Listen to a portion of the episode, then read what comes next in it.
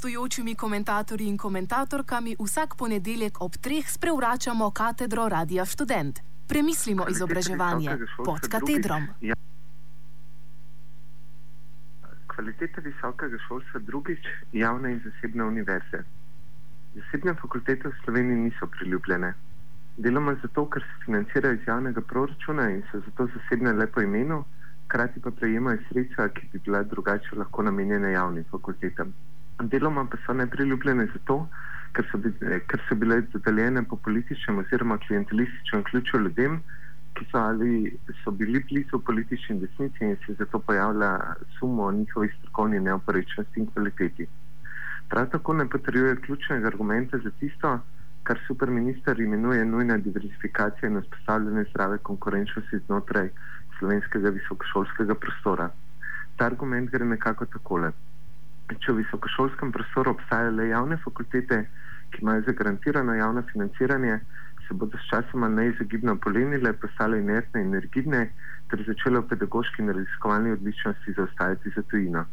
To bi pomenilo upočasnitev akumulacije človeškega kapitala in posledično zmanjšano konkurenčnost slovenske delovne sile, pa tudi beg možganov, to je najbistrejših študentov in najsposobnejših profesorjev tujino. Rešitev je, pravijo zagovorniki zasebnih fakultet, spodbujanje notrne konkurence v slovenskem visokošolskem prostoru. Konkurenca novih inovativnih fakultet, ki bi prinesle nove pristope in nova znanja, bi disciplinirala tudi rigidne javne visokošolske institucije. Tem bi se sicer financiranje nekoliko zmanjšalo, a superminister več čas podarja, da gre le za nekaj odstotkov, a na koncu bi pridobili vsi, se bi celotni visokošolski prostor, tako njegov javni kot zasebni del, postal bolj odprt, inovativen, pripravljen na nove izzive in ne na zadnje konkurenčen. Več konkurence pomeni večjo konkurenčnost, tako preprosto je to. Razlog, zakaj so nove zasebne fakultete v Sloveniji, kljub elegantnosti navedenega argumenta, vseeno nepriljubljene, ni v ideologiji, temveč v praktični izvedbi tega konkurenčnostnega odpiranja visokošolskega prostora. Namreč, obstoječe javne fakultete so dejansko pogosto rigidne in njihovi programi zastareli. Na oddelku za oblikovanje tako študente delajo z zastarelimi računalniškimi programi, medtem ko se na oddelku za sociologijo učijo presežene teorije globalizacije ali postindustrijske družbe. A nove zasebne fakultete ne le, da ne uvajajo novih in neznemirljivih programov, temveč največkrat predstavljajo ponovitev zastarelih in preseženih programov z javnih fakultet.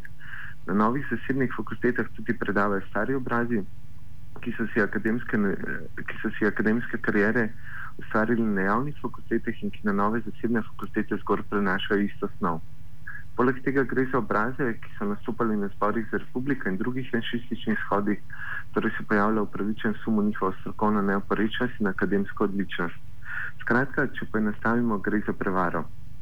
Pobuda za ustanavljanje novih zasebnih fakultet izhaja iz realnih problemov slovenskega visokega šolstva, na katere že dolgo opozarjajo tako nezadovoljni študenti, kot del profesorjev in raziskovalcev, ki ni klientelistično povezan s to ali eno stranko na oblasti.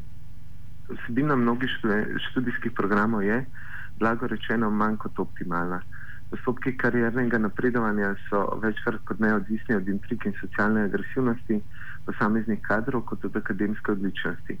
Namesto kritične refleksije, kar naj bi bila eh, glavna družbena funkcija javne univerze, ta producira apologetske in konformistične teorije. A zasebne fakultete naštetih problemov ne rešujejo, temveč jih le podvajajo in zaostrujejo. Če kaj so postopki nameščanja kadrov, izbira študijskih programov in omogočene kritične teoretske refleksije na zasebnih fakultetah še bolj akutni in problematični kot na javnih. Zasebne fakultete si zato zaslužijo enako kritiko iz enakih stališč kot javne in nobenega dvoma ni o tem, da je danes državljanska dožnost opirati se ustanavljanju novih in nadaljevanju javnega financiranja obstoječih zasebnih fakultet. A kritika mora iti še korak dlje od denunciacije praktične izvedbe tako upevanega širjenja in odpiranja visokošolskega prostora. Kritika zgolj konkretne lokalne klientelistične in prevarantske izvedbe delne privatizacije tega prostora je namreč dvojno prekratka.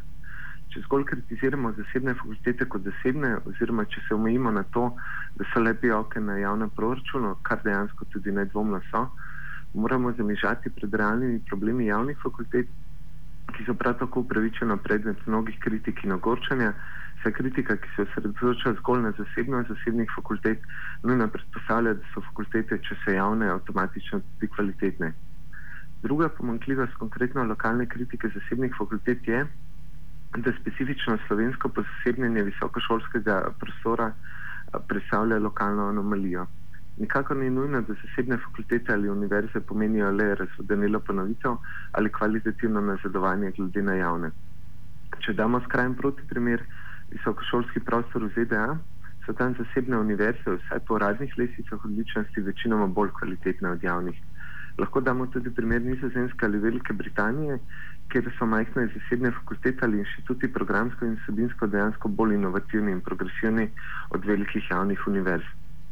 Če pri argumentaciji nismo dovolj previdni, se lahko konkretna kritika specifično slovenskega načina zasebnjenja visokošolskega sistema hitro spremeni v afirmacijo splošnega argumenta za privatizacijo, komercializacijo in uvajanje načela konkurence v stilu, morda je bila slovenska izvedba odpiranja visokošolskega prostora res nerodna in napačna, kar lahko prepišemo, da nimo koruptivnosti ali ukorenjenemu klientelizmu slovenske družbe, a pravi privatizacija in komercializacija po zgledu ZDA ali zahodnoevropskih držav bi dejansko, odprli, bi dejansko odpravili realno obstoječe probleme tako zasebnih kot javnih slovenskih fakultet ter povečali kvaliteto in pestrost visokošolskega prostora.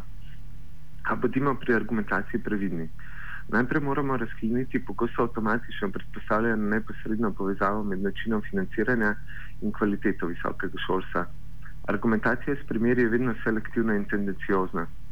V primeru ZDA lahko vidno nasproti postavimo primer Finske in tako naprej obstaja ogromno kvalitetnih in nekvalitetnih, tako javnih kot zasebnih univerz, in za vsak primer odlične zasebne se takoj najde proti primeru odlične javne univerze in obratno.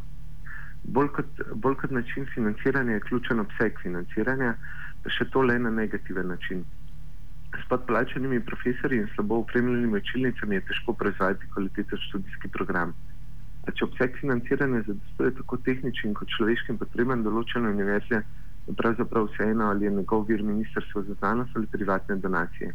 Sam vir denarja nikakor neposredno ne vpliva na kvaliteto visokega šolstva, a na njo močno vplivajo manipulacije z obsegom financiranja.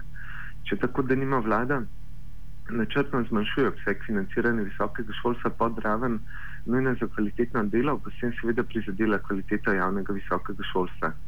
Če v istem visokošolskem prostoru obstajajo zasebne univerze, ki niso podvršene proračunskim rezom, bodo te s tem avtomatično pridobile na kvaliteti glede na javne, čeprav svoje kvalitete same ne bodo izboljšale. Če pa je vir financiranja za tako javne kot zasebne fakultete, tako kot v Sloveniji isti, bo njegovo drobljenje in nepremišljeno ustanavljanje novih zasebnih fakultet seveda prizadelo kvaliteto tako javnih kot zasebnih fakultet, saj je samo obseg razpoložljivih finančnih sredstev premajhen, da bi, da bi obojem omogočal minimalni finančni prak za kvalitetno delovanje. Zato mora biti javni proračun prvenstveno namenjen javnim univerzam.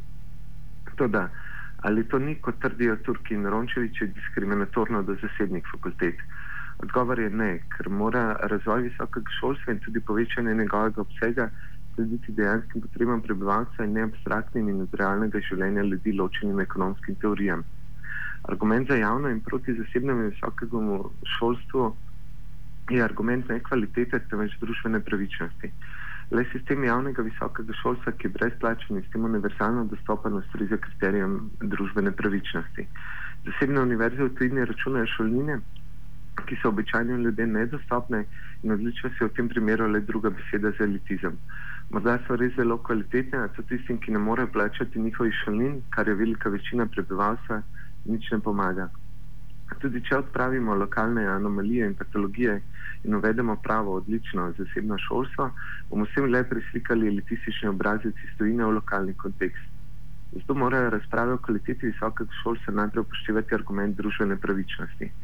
Javno financiranje samo po sebi sicer ne zagotavlja kvalitete visokega šolstva oziroma predstavlja njen prvi in osnovni materialni pogoj. Ali javno visoko šolstvo je lahko univerzalno dostopno in šele na podlagi univerzalne dostopnosti visokega šolstva lahko razpravljamo o kvaliteti, ki ne bi bila dostopna le, le nekaterim, temveč vsem.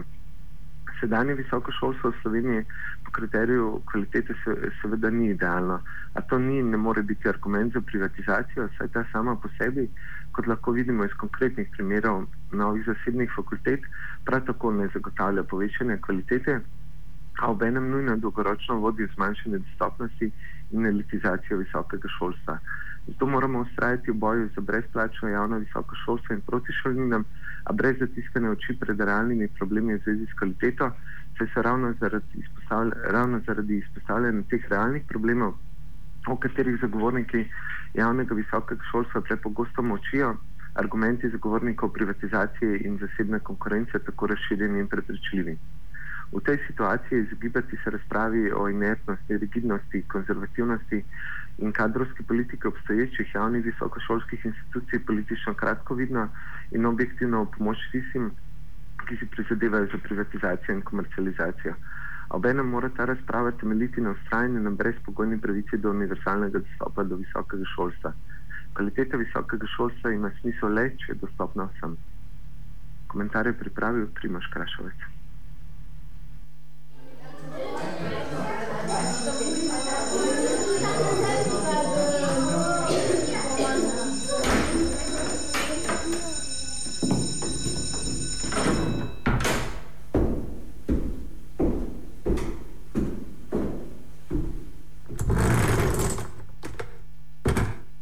Gostujočimi komentatorji in komentatorkami vsak ponedeljek ob treh sprevračamo katedro Radia Student. Premislimo izobraževanje pod katedrom.